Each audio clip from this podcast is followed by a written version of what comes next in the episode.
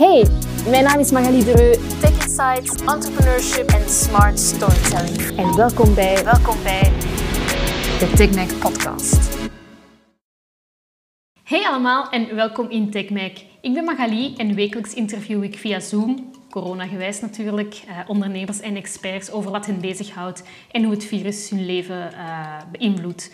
Vandaag heb ik eh, de eer om met Lieve Scher te spreken en ik kijk er naar uit om hem het vuur aan de schenen te leggen. I hope you enjoy. Hey Lieven. Een goede dag. Welkom in mijn uh, TechMac show. Um, ja, ik ga met de deur in huis vallen. Uh, vertel eens hoe uh, deze tijden uw professionele en misschien ook uw privéleven beïnvloeden. Ja, professioneel was dat een gigantische omwenteling omdat ik aan een podiumtournee bezig was. En dus het eerste wat beslist is, is dat de optredens... Eerst was het niet boven de duizend mensen. En daarna complete afgelasting. Dat was op drie dagen tijd. En dus heel mijn tournee uh, is, uh, heel mijn tournee is gecanceld. Uh, terwijl dat ik alle grote zalen gehouden had voor mei en juni. Dus alles samen, denk ik, over de 15.000 tickets die wij moeten verschuiven hebben. Ja. ja, maar het wordt verschoven en het is niet afgelast. Inderdaad, het wordt verschoven naar, naar, vanaf september. Als we dan al in de zalen mogen, dat is ook nog niet zeker. Um, nu, normaal gezien ging ik dan mijn volgende show schrijven over artificial intelligence. Dat wordt mijn volgende onderwerp. Want dus heel mijn schrijfperiode zit nu vol met nieuwe optredens. Dus nu, moet ik dat, nu zou ik dat eigenlijk nu moeten aan het doen zijn. Maar de kinderen zijn thuis. En um, ik heb een paar tv-opdrachten aanvaard. Kwestie van toch iets van, van werk te hebben uh, de komende maanden. En die combinatie van thuis filmen, thuis setups doen, thuis voice-offs inlezen en de kinderen thuis hebben, dat is uh, bijzonder hectisch. Ja, en hoe uh, hou je de, de moed erin? Is dat dan met optimisme, humor, veel bijleren of een combinatie van die allemaal? En witte wijn. um, maar nee, uh, het, is, het is planning vooral. Hè. Het is samen met mijn vrouw kijken wie dat er wanneer um, um, de kinderen goed, om het zo te zeggen. Ook nog een keer die, die homeschooling erbij doet. Um, en wie dat er wanneer aan het werk is. En natuurlijk hoopte af en toe van daar nog een beetje me-time tussen te krijgen. En die sneuvelt meestal als eerste. Nu, dat lukt steeds beter. Mijn vrouw en ik kunnen elk zowel een halve dag, een dag per week echt voor ons eigen reserveren. Dat we zelfs niet met werk bezig zijn. Maar dat is niet evident. En dat voelt ook niet zo aangenaam, omdat je weet dat je eigenlijk dingen laat liggen die je had kunnen aan het doen zijn. En je zit dan ook je gazette lezen terwijl dat, de andere van ons twee uh, constant bezig is met die kinderen. Dus het is, zo wat, het is zo wat dubbel. En ondertussen stapelt de was zich op en uh, is de vaatwas vol. Enzovoort. Ja, uh, strategisch allemaal niet in beeld gebracht. nee, inderdaad. Nee, andere, andere rommel. Ja, um, onlangs las ik een stuk waarin je, en je hebt het mij ook al, al in een eerder gesprek verteld, van uh, we staan echt vandaag op, we hebben een ongekende, een ongeziene vooruitgang geboekt uh, op vlak van technologie, maar ook op vlak van, uh, van genetica en DNA, waar jouw boek natuurlijk over gaat. Um, en als je dat gaat betrekken op het onderwerp corona, um, zijn er dingen die binnenkort mogelijk zijn? Kunnen we ons op een of andere, een of andere manier behoeden voor zo'n pandemieuitbraak, of is dat een brug te ver? De kans bestaat dat dat, dat, dat mogelijk wordt. Uh, dat zal niet op korte termijn zijn. Maar er wordt nu geweldig gekeken naar wat zijn nu de bepalende factoren van mensen die daar heel hevig op reageren en mensen die milde of geen symptomen hebben. Uh, een paar dingen zijn bekend. Uh, Man-vrouw maakt een groot verschil. Um, leeftijd maakt het grootste verschil. Um, zwaarlijvigheid hebben ze nu onlangs als factor er ook, er ook bij gehaald. En natuurlijk, statistisch kunnen die factoren daar dan uithalen. Daarna moet je nog op zoek naar wat is het, het mechanisme erachter. Ze dachten even dat het man-vrouw verschil, toen het in China duidelijk was dat man-vrouw verschil zo groot was, dachten ze even dat het over rokers ging. Omdat mannen daar heel veel roken en vrouwen heel weinig. Oké. Okay. Um, maar ze hebben dat dan uitgemiddeld, omdat ja, een, een goede statisticus die kan dan kijken, oké, okay, ik neem enkel niet-rokende mannen en niet-rokende vrouwen, wat gebeurt er dan? En wat bleek, dat maakte weinig verschil. Dus het is echt geslacht. Dus nu zijn er andere theorieën. Het kan te maken hebben met het uh, X-chromosoom. Mannen hebben XY, vrouwen hebben XX. En er liggen bepaalde immuniteitsgenen op het X-chromosoom. Ja. Die vrouwen dan dubbel zouden hebben, bijvoorbeeld. Um, en zo wordt er geweldig gezocht. In Gent was er nu vorige week een studie En die keek naar bepaalde eiwitten ehm, die, die op de, cel, de, ja, de buitenkant van de cel zitten bij de mens. Eiwitten die gebruikt zouden worden door het virus om binnen te dringen. En ook daar is er een vermoeden, misschien zelfs een hoop, dat bepaalde genvarianten daar veel resistenter tegen zijn. Dus je zou kunnen zeggen, misschien komen we op een punt ooit, en dat zal niet voor de komende maanden zijn, misschien komen we op een punt dat je met een vragenlijst en een genetische test heel goed je risico kunt inschatten om ziek te worden van corona. Maar dat is niet, geen korte termijn. Ja, hoe, uh, wat is jouw mening tegenover die, die apps waarover nu wordt gesproken? In China is dat een realiteit dat je kan zien gewoon van heeft die persoon koorts of niet. Um, waar ligt die grens met uh, waken over de gezondheid van de bevolking en waken over de privacy van de bevolking? Ik ben zelf eigenlijk helemaal geen uh, privacy-ridder. Um, ik weet niet hoe dat komt. Misschien ben ik naïef, misschien ben ik zorgeloos. Uh, misschien er zit een blinde vlek in mijn spectrum, maar ik heb die privacy-drang niet als het over dat soort dingen gaat. Uh, andere mensen in mijn omgeving wel, en dat zijn mensen die ik ook echt vertrouw. Dus ja, het zou goed kunnen dat ik daar gewoon te weinig bij stilsta. Maar eigenlijk, als het gaat over die, over die corona-apps, denk ik, goh, ik vind de bestrijding van de pandemie nu wel belangrijker dan iemand weet waar ik ben.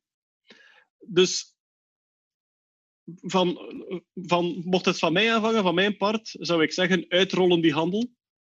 Um, nu, de, de vragen bij de, bij de werkzaamheid ervan zijn ook nog terecht. Hè, als, zijnde, ja, als er een bus langs rijdt en daar zit iemand op, uh, dan is die zijn positie eigenlijk vlak bij die van u geweest, maar je kunt onmogelijk uh, virus overgedragen hebben door het raam van een voorbijrijdende bus, bijvoorbeeld. Enfin, dus daar zijn nog vragen over. Het privacy-aspect lijkt mij toch oplosbaar. Um, als, je dat allemaal, allee, ja, als je dat allemaal goed afbakent in de mate van het mogelijke. Um, ja, ik heb de privacyzorg veel minder dan vele anderen. Ja, ja je hebt niet veel te verbergen, hè, lieve? Nee, oké, okay, maar ja, goed. We weten, we weten sinds Cambridge Analytica het gaat hem niet over, ik heb niets te verbergen. Hè. Nee, het gaat hem eerder over, wij weten wie je bent en we kunnen aan de juiste touwtjes trekken om je dingen te laten doen.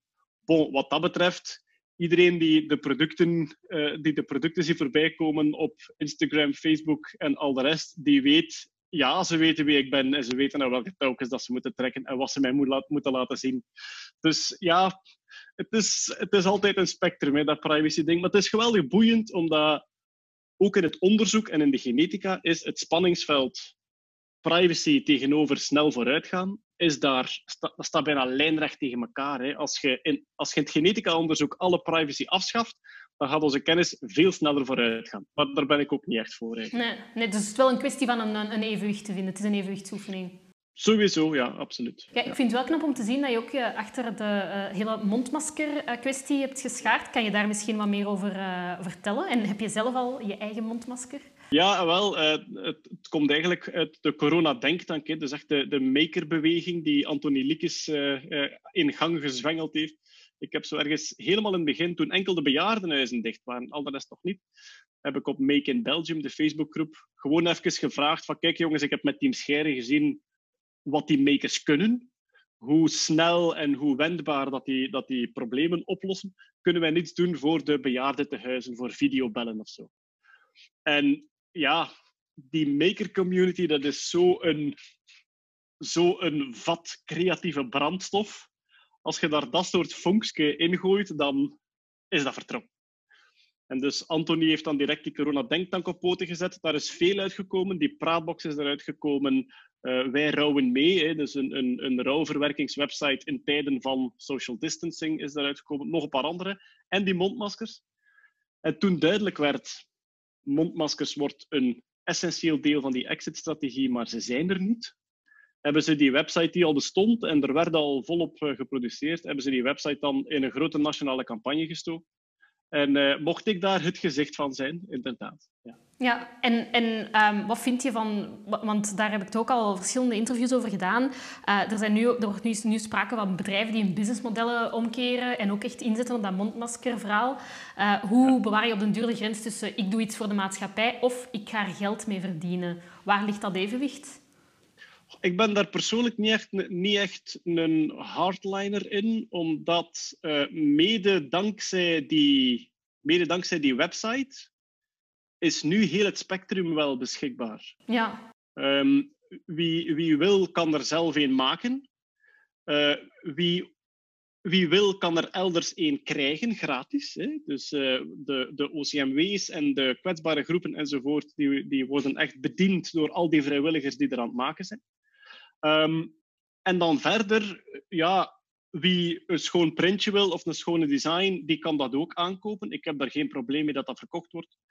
Um, het, enige, het, het, enige waar ik wel problemen mee zou hebben, dat is woekerprijzen omwille van schaarste. Ja.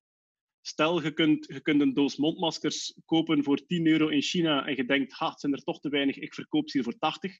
Dat is iets anders. De moment dat je er echt grote, grote scheppen gaat afhalen, oké. Maar een, een, een, product, een product aanbieden en daar een stuk bijvragen voor de meerwaarde die je erin steekt, zoals een print of een design, daar heb ik geen probleem mee. Vooral omdat de andere kant nu ook beschikbaar is. Je kunt het ook zelf doen als je wilt. Ja, ja. ja want er komt wel ook heel veel kritiek op de regering en de, de uh, beschikbaarheid van mondmaskers. Terwijl ik wel zoiets heb van... Ja, wij zijn teruggekomen uit de Verenigde Staten toen het coronavirus hier uh, in België nog maar losbrak. En dan heb ik wel beseft van België is toch een verdomd strafland. We hebben hier de beste gezondheidszorg. Um, is, komt er, is er niet te veel kritiek op België? En zeker de regering en de Veiligheidsraad. Je kan het zo breed trekken als je maar wil. Uh, of wat vind jij? Ja. Dat, dat, um, dat niet alles gestroomlijnd gelopen is, dat is zo. Ja. Ik denk dat dat ook moeilijk is in, in een situatie als deze, die zodanig een impact heeft en die ook zodanig snel over ons komt. Hè, dat er, er moet heel snel geschakeld worden en er moeten ongezien drastische beslissingen genomen worden, maatschappelijk gezien dan, hè, voor onze generatie. Het, ik vind het logisch dat het niet altijd even vlot loopt. Um, de kritiek, ik, ja, ik doe er niet echt aan mee. Uh, de analyse moet absoluut gemaakt worden als alles voorbij is.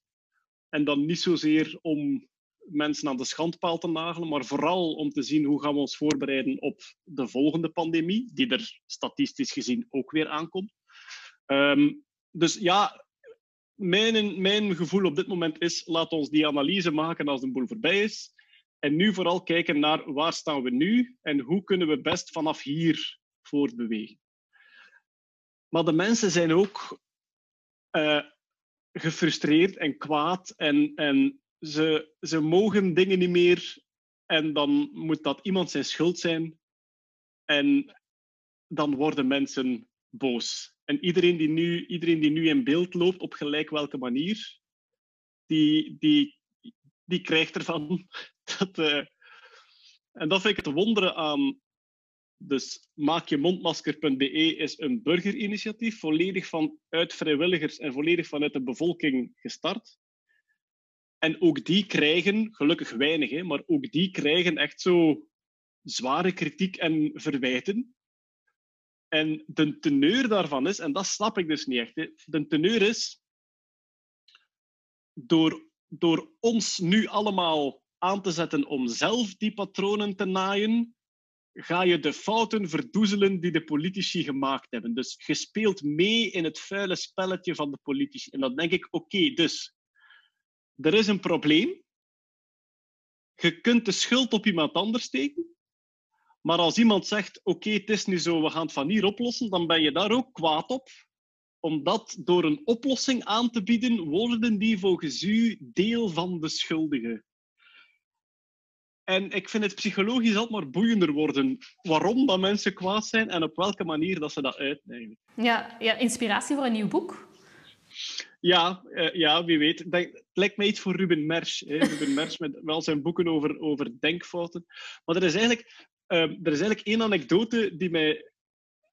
Allee, ik zie een soort parallel tussen een van mijn favoriete anekdotes uit, um, uit de Amerikaanse tv-geschiedenis op een bepaald moment, ik denk jaren 50 of 60, op een bepaald moment vliegt er een vliegtuig naar Miami in de USA. En dat wordt gekaapt tijdens de vlucht en wordt uh, afgeleid naar Cuba. En de mensen op dat vliegtuig, uiteraard, zijn bang, zijn gestresseerd. Nu, een kaping voor 9-11, dat was nog allee, eigenlijk ging ervan uit, die gaan met ons ergens naartoe vliegen en dan worden wij terug naar huis gebracht. Maar dus die mensen zaten daar nerveus te zijn. Wat blijkt? Op dat vliegtuig zit de bekendste presentator van het allereerste verborgen cameraprogramma van Amerika. Op een bepaald moment krijgt een van die passagiers die presentator in toog. En die zegt, wacht een keer allemaal, dat is hier helemaal geen kaping. Het is een verborgen camera, kijk maar, presentator X zit hier. En heel dat vliegtuig springt recht en zegt, ah, goed gedaan. Die begint te klappen, die vinden dat fantastisch. Maar die presentator is dus gewoon op reis. En die zegt, uh, jongens, dit is geen verborgen camera, ik ben gewoon op reis. En die, al die mensen zeggen, maar allee, en je moet ons nu toch even voor de gek houden enzovoort. En die presentator geraakt in een soort paniek. En uh, dat duurt totdat ze in Cuba landen. En pas als ze landen, snappen al die passagiers, wij waren mis, dit was wel een echte kaping. Dus die worden daar heel bang en angstig van. En dat, dat, vind ik het, dat vind ik het verhelderende aan dat verhaal. Wat hebben die dan gedaan? Die zijn kwaad geworden op die presentator. Dus die worden kwaad op die presentator die daar zit, die daar niets mee te maken heeft, die deel is van het misverstand, maar omdat die mensen nerveus en kwaad zijn, moeten ze het op iemand steken. En die loopt in beeld, dus worden ze kwaad op die. En dat zie je nu ook, vind ik, met mensen die op Van Ranst schelden en die op Van Gucht schelden en op Erika vliegen. En gelijk, wat, het, het moet iemand zijn schuld zijn en dat moet even gezegd worden dan zo. Ja. Of op China? Ja, absoluut. Bon, geopolitiek gaan er ook wel grote analyses uh, te maken zijn. Dat, dat sowieso. En dat, dat China zijn eigen politieke, ehm, ja, zijn eigen politieke methodes heeft, die niet altijd stroken met wat wij wat dat wij correct vinden, oké, ja, dat is ook zo. Of dat er dan echt grove fouten gemaakt zijn, dat zal dan in de analyse achteraf moeten blijken. Ja, denk, je dat, denk je dat dit coronavirus en de manier waarop we daarmee om zijn gegaan, dat dat voor een, grotere verdeeldheid gaat zorgen in onze samenleving? Omdat heel veel mensen gebruiken het nu... Allez, ik ga geen namen noemen, maar uh, partijen gebruiken het nu om, om te pleiten voor een onafhankelijk Vlaanderen. In de VS zie je uh, de hele Trump-beweging en mensen die nog steeds voor hem stemmen um, en heel veel fake news. Hoe zie jij daarnaar? Dat is natuurlijk uh, minder mijn vakgebied, dat soort sociologie. En ik heb mij daar de voorbije jaren al serieus in vergist. Het, ja, het feit dat Trump sowieso echt een verkiesbaar zou worden, dat ja, toch nooit, nooit bij stilgestaan. Het is zo.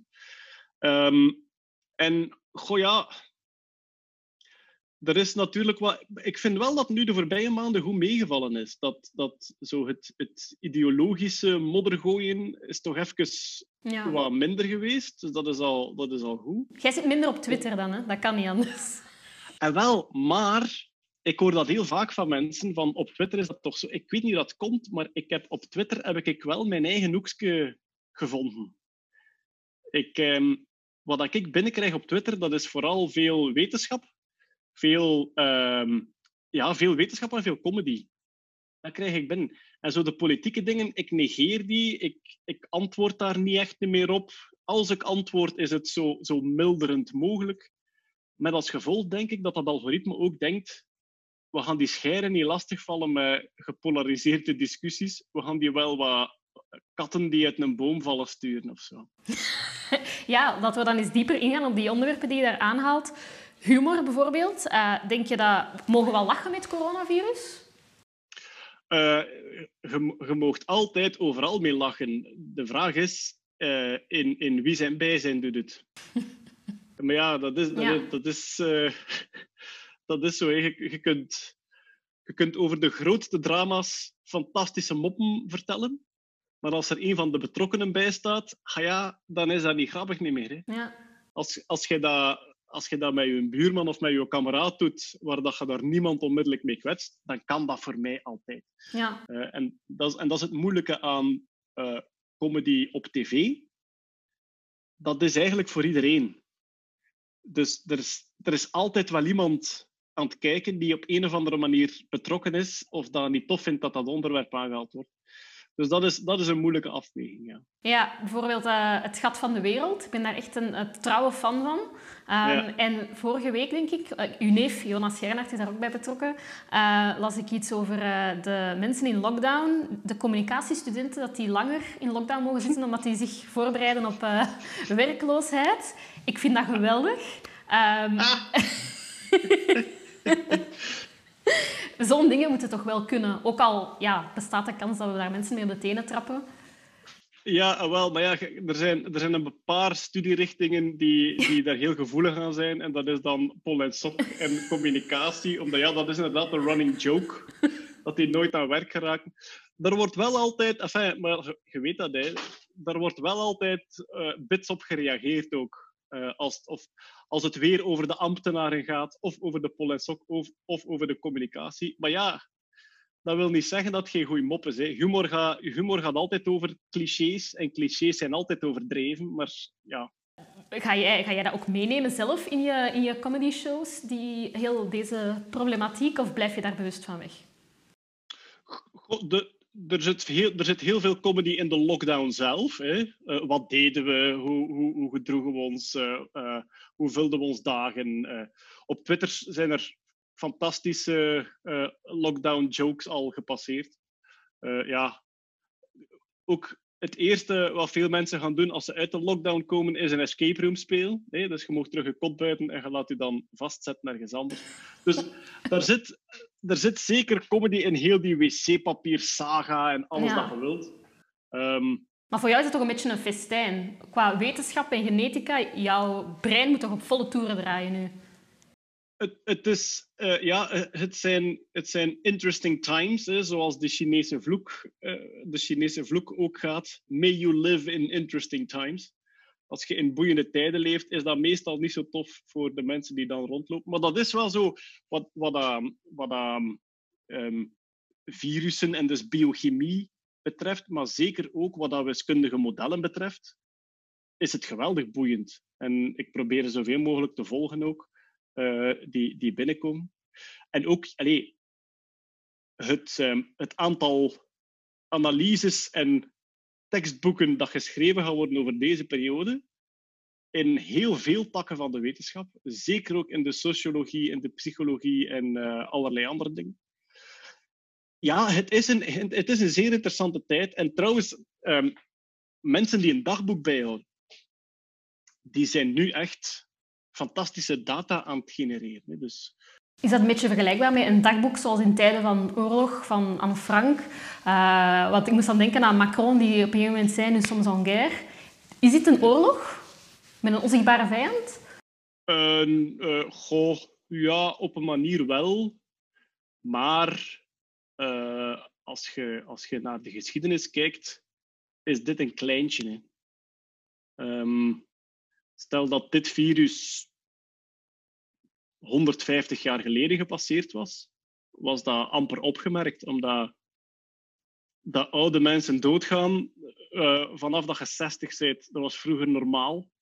Uh, dat er heel regelmatig mensen stierven voordat ze volwassen werden, was ook normaal.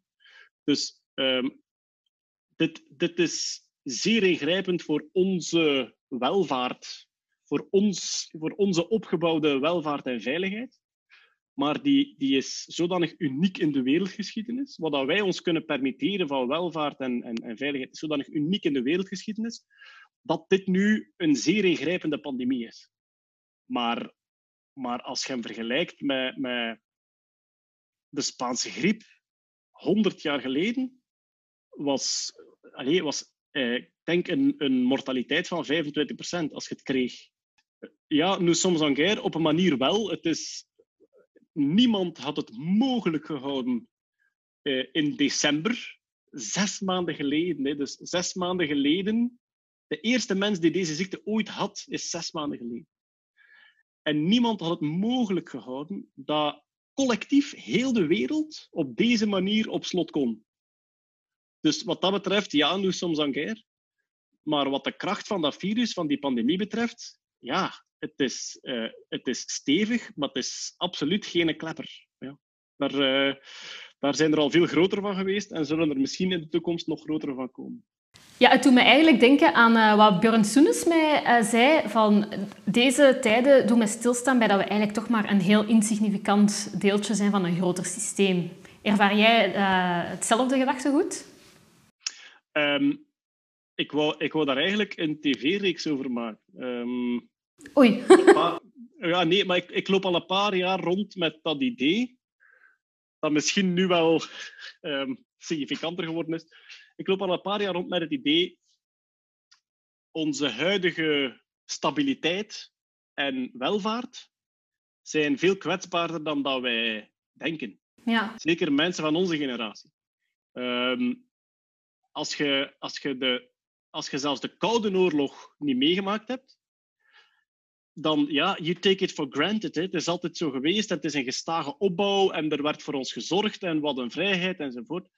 Maar zuiver, als ik zuiver over natuurrampen spreek, is dat niet zo. Een pandemie ligt altijd op de loer, een grote vulkaanuitbarsting, waardoor dat heel de wereld uh, een heel jaar geen zomer heeft, komt ook om de zoveel tijd voor. Uh, een, een, een, zonnestorm die ons elektriciteitsnet aan één kant van de wereld er volledig uitgooit, komt ook om de zoveel tijd voor. En ik had zo, ja, ik had zo een tijd het idee van even die scenario's overlopen. Wat gaan we dan doen? En er is nu eentje dat we meemaken. Hè? Dit is pandemie-scenario. Uh, zou nog veel erger gekund hebben ook. Um, maar dus dat idee van wij zijn, wij zijn veel kwetsbaarder, dat, ons systeem dan, onze samenleving is veel kwetsbaarder dan dat wij onszelf wijsgemaakt hebben, daar ben ik het absoluut mee. Ja, en heb je het al gepitcht aan, uh, aan een productiehuis? Ik heb het twee jaar geleden al eens gepitcht en dat is daar ergens blijven liggen, maar het is inderdaad het moment om te zeggen, zeg, uh, nu dat aflevering 3 waarheid geworden is, zullen we misschien die andere ook eens bekijken. Ja, ja inderdaad. Ja, heb, je, heb je zelf zoiets van, uh, met Team Scheire zou ik dit willen doen om iets rond het coronavirus aan te pakken? Uh, bijvoorbeeld inderdaad mensen die, die... Ja, er zijn ernstige psychologische gevolgen ook. Mensen die bijvoorbeeld ook dement zijn, die, die zich afvragen van waarom krijg ik hier geen bezoek niet meer? Zijn er dingen waar dat je met Team Scheire al zo aan zou denken? Goh, wel, de... de de makerkant, uh, die, die, is, die is volop bezig en denk dat die het heel goed aan het doen zijn op dit moment. Um, waar dat ik persoonlijk wel nog aan denk, is um, uh, Hans de Ruik is een, een, een gedragspsycholoog, waar ik ook al een podcast mee gemaakt heb, een paar jaar terug. En die, uh, een van zijn specialisaties is um, conflicthantering, bijvoorbeeld binnen het gezin. En ik heb, ik heb de indruk dat het in mijn omgeving beter is, maar ik kreeg in het begin van de lockdown kregen wij veel signalen uit, niet, niet directe vriendenkring, maar zo kennissenkring, uh, van um, spanningen binnen de koppels. Uh, alles is opeens anders. Je zit constant in dezelfde ruimte. Uh, je moet constant rekening houden met elkaar. Um, de dingen die jij graag wilt doen, worden plotseling heel zichtbaar voor de anderen die daar commentaar op kan hebben enzovoort. Het is moeilijk om je eigen rust te vinden. En wij hoorden van veel mensen van, god, het is hier nogal lastig. Terwijl dat in de gedragspsychologie heb je, heb je zeer goede ehm, hanteringen daarvan. Heb je zeer goede gesprekstechnieken waarin dat je zelf aangeeft wat dat je noden zijn. Waarin dat je actief op zoek gaat naar wat heeft een andere nodig, wat vindt hij wel aangenaam, wat niet. Zodanig dat je niet in je hoofd conclusies trekt waarom dat iemand iets doet. En dan, nog voordat je iets gevraagd hebt, kwaad wordt omwille van de conclusie die jij getrokken hebt in je hoofd. Enfin, ja. Dat soort gesprekstechnieken, um, dat lijkt me nog wel nuttig om daar een podcast van op te nemen of een soort, um, ja, een soort gesprekstechniek beschrijving. Van kijk, als je merkt dat je alle twee in stilte kwaad aan het worden bent op elkaar in hetzelfde huis, is dit de manier om dat misschien bespreekbaar te maken. Ja, ja inderdaad. Dat is inderdaad gedragspsychologie. Heel interessant. Um, nu, wat mij opvalt, is dat hoeveel bedrijven dat eigenlijk nu iets hebben van, en mensen ook, hè, van eigenlijk digitaal. En, en die meeting en die videoconferenties, wij zijn het nu ook aan het doen, dat gaat allemaal heel vlot. Ja. Denk je dat, dat, na corona dat we terug allemaal naar ons uh, kantoor in de file gaan, vijf dagen per week? Of denk je dat er echt ook daar ons gedrag fundamenteel gaat veranderen? Ik mag het heel hard hopen, ja. Ik mag wel hopen dat dat, um, dat dat een van de dingen is die gaan blijven hangen. Uiteraard niet in de mate dat we het nu doen, maar ehm, ja, ik, ik denk dat ehm, het zou jammer zijn als we, dat, als, we, als we zelfs dat niet kunnen meedragen hieruit. Dus ja, daar, daar, daar hoop ik wel ook de, niet alleen de, de functionele dingen hè, die we nu doen, de, de, ja, het videobellen voor uh, werk, media enzovoort, maar de, de spelletjesavonden online en de e-aperitieven vind ik ook heel tof. En ik denk dan vooral naar mensen die in het buitenland wonen of die, ja, die, die moeilijk bereikbaar zijn. Dat je kunt zeggen, ja oké, we gaan één keer per maand samen Monopoly spelen via de webcam en zo'n virtueel bord. Zoiets, ja. Ja, ja heb je, ben je zelf van nature uit een extravert of een introvert persoon? Dat is moeilijk te zeggen, omdat uh, op het podium ben ik uiteraard extravert als, als, als performer. Um, in, een, in een gewone sociale groep vaak introvert eigenlijk. Ja. Dus dit is voor jou ook wel, dat doet misschien wel een beetje deugd om een digitale e-apero te doen. Dat vind jij best wel oké dan? Ah, ja, maar op zich, um, het moeilijke in een sociale groep is dat er heel veel input en heel veel aandachtsvragen komen uit verschillende richtingen. En dat is bij een Zoom-apero eigenlijk nog steeds zo. Dus ja. ik, merk wel, ik merk wel als ik daar als ik daar twintig minuten naar zit te kijken, dat, dat, dat er al enige vermoeidheid begint op te treden. En uh, los, van die, los van die digitalisering, uh, je zegt van ik, ben, ik denk na voor een show uh, van, over artificial intelligence. Um, welke technologie of, of, of innovaties denk je dat hierdoor echt versneld zullen worden en kunnen gebruikt worden om echt voor the greater good eigenlijk in te zetten?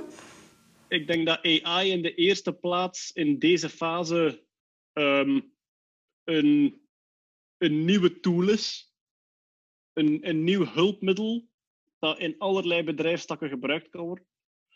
Als ik het helemaal downplay, dan ga je gewoon naar, oké, patroonherkenning via AI dan. Hè. Dus patroonherkenning wordt plotseling beschikbaar in software, terwijl dat vroeger geweldig moeilijk was.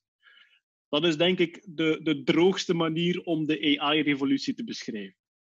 Uh, we hadden al hardcoded software, en we kunnen daar nu een nieuw werktuigje aan vastklikken, namelijk patroonherkenning op basis van AI. En dat alleen al, dus die, die beschrijving, heeft al heel veel gevolgen. In, in automatisering, in, in domotica, in self-driving cars. Enfin, er wordt plotseling heel veel mogelijk, wat je met harde lijntjes code niet geprogrammeerd krijgt. Ja. Um, maar natuurlijk, eh, na de droge beschrijving kun je verder dromen hè, over de verdere toekomst en wat gaat er nog komen. Omdat als je ziet hoe slecht dat mensen zijn in patroonherkenning, niet visueel. Hè. Visueel zijn we daar geweldig knap in. Maar um, hoe snel dan een AI-systeem beter is dan de mens in patroonherkenning vinden in ons eigen gedrag, bijvoorbeeld. Dat is wel, dan denkt je wel van oké, uh, je kunt dat heel commercieel gebruiken. Ge gebeurt nu al. Hè. We worden geweldig in de gaten gehouden. Ons koopgedrag vooral door AI-systeem. Je kunt dat ook surveillance gaan gebruiken. Beginnen, beginnen voorspellen wanneer iemand dingen gaat doen die je niet tof vindt als staat, bijvoorbeeld. Je kunt dat ook bijna utopisch gaan gebruiken. Als je zegt van we komen nu uit een paar tientallen jaren automatisering en, en, en massaproductie. En die hebben voor ons eigenlijk fantastische dingen gedaan.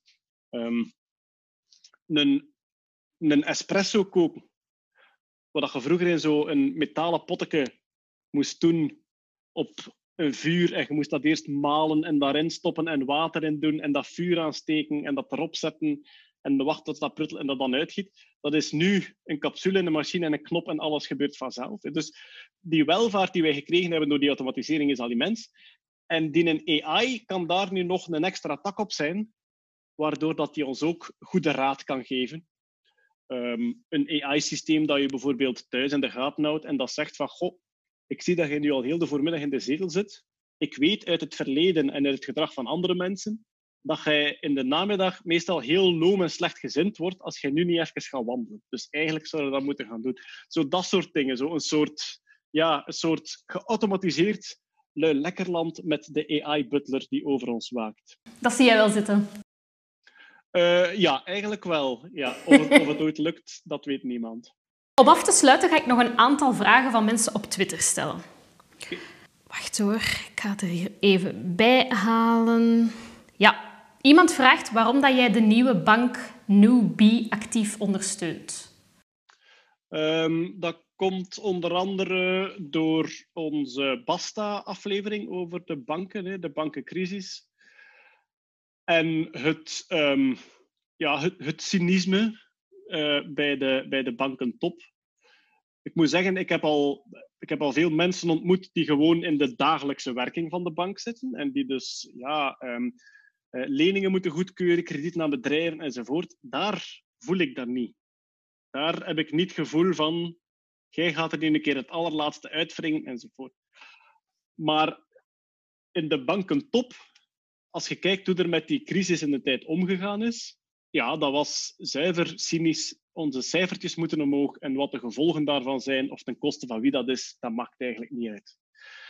En ook omdat, um, goed, je zit, in een, je zit in een mondiaal systeem en het is, het is onmogelijk om een zuivere ziel te houden als je je centen ergens op een spaarrekening zet. Oké, en via één connectie en een volgende connectie zit je heel snel in fout boel. Maar het kan veel veel beter dan wat er nu, nu gebeurt. Waarin dat mensen bijvoorbeeld in een pensioenfonds zitten. Of zelfs in een, gewoon in, in, een, in een spaarrekening, waar dat uw eigen geld nog ja, eigenlijk twee stappen nadat je het afgeeft aan de bank of je pensioenfonds, twee stappen daarna wordt het al gebruikt voor dingen die lijnrecht ingaan tegenover uw eigen ideologie en overtuiging.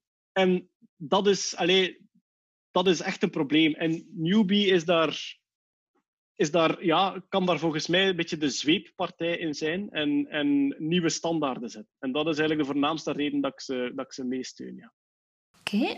Ehm, volgende vraag. Atlantis, waarom ligt het dan onder water? Atlantis? Of het, of het echt bestaat? Ja, nee, eh, eh, het is, ik denk dat het een woordgrapje is van die persoon, maar ik wou toch niet uh, Ah, nu ben ik pas mee. Atlantis. Waarom ligt het dan onder water? Ah, go goeike. en dan vraagt er iemand, waarom ben je nog single? En dan heb ik gezegd, dat is niet het geval. Um, en dan de laatste vraag is, welk wetenschapsprogramma zou je maken als er geen beperkingen, bijvoorbeeld uh, in termen van budget, uh, waren? Goh, er zijn er veel. Maar ik denk, mocht je nu echt zeggen van, je moet helemaal je goesting doen. Ja, zo programma's in de, in de, in de BBC-stijl, zoals uh, The Story of Science van Michael Mosley, is een van mijn absolute favorieten. Waarin dat ze in die typische BBC-stijl eigenlijk heel verhalend ter plaatse gaan en gaan naar de plek waar het echt gebeurd is, om daar uit te leggen wie daar geleefd heeft, hoe dat hij tot bepaalde ontdekkingen kwam, bepaalde experimenten nadoen. Ja, in The Story of Science kunnen ze Michael Mosley, de presentator, zit dan ergens in een, in een labo, in een kelder in Londen. En dat is dan het effectieve labo waar een bepaalde ontdekking gedaan wordt. En die sluit zijn zin daaraf uh, met van, uh, ja, en um, hij was ontzettend blij dat hij dit verwezenlijkt had. En dan knippen ze naar de andere kant van de wereld, waar dan een andere presentator woonde. En dan gaat die zin eigenlijk door in die Dus dan wandelt hij opeens door de broesen. Maar hij wist niet dat er hier op datzelfde moment... En zo dat soort topgeproduced um, uh, inhoud- en vormcombinatie, dat zou misschien wel de ultieme droom zijn. Zie je jezelf op een gegeven moment in je leven ook volledig op de wetenschap toelichten? Dat je uh, eigenlijk er niet meer mee naar de, naar de media gaat, maar dat je echt, zoals uh, professor Gobelijn gewijs, dat, je, dat, je, ja, dat je volledig in een lab aan het werk gaat? Goh, ik heb nooit in het onderzoek gezeten. Ik ben, ben onmiddellijk voor, voor tv begonnen, tijdens mijn studies zelfs nog. dus ik heb nooit in het onderzoek gezeten. Het spreekt me wel geweldig aan. Um, ik heb geen idee of dat je dat nog in de vingers krijgt. Eens dat je ouder bent dan 40, je hebt dat nooit echt gedaan. Maar ik heb daar wel vaak aan gedacht, van, moest het zo keer echt allemaal stilvallen, lijkt mij dat wel geweldig boeiend. Zeker als je op het juiste onderwerp kunt zitten. Als je op een onderwerp kunt zitten dat je, dat je immens interesseert, lijkt mij dat wel heel, uh, heel boeiend om te doen. Ja. Ja. Uh, ja, lieve, dan wil ik u enorm hard bedanken om hier de tijd voor te nemen. Um, Met plezier. Het was echt super boeiend. Bedankt. Very goed. Oude er goede daar. Ziezo, een nieuw boeiend interview zit er weer al op. Ehm, als je zoiets hebt van, ik wil meer van dit, uh, check dan zeker ook mijn interview met Björn Soenes, Patrick van Roosendaal, Seth Godin en uh, veel andere mensen die ik in dit tijdperk via Zoom heb geïnterviewd. Tot volgende week. Bedankt om de podcast te beluisteren. Wil je meer interviews zien en horen? Of misschien zelfs langskomen in mijn show? Ga dan zeker naar techmike.be. Tot de volgende!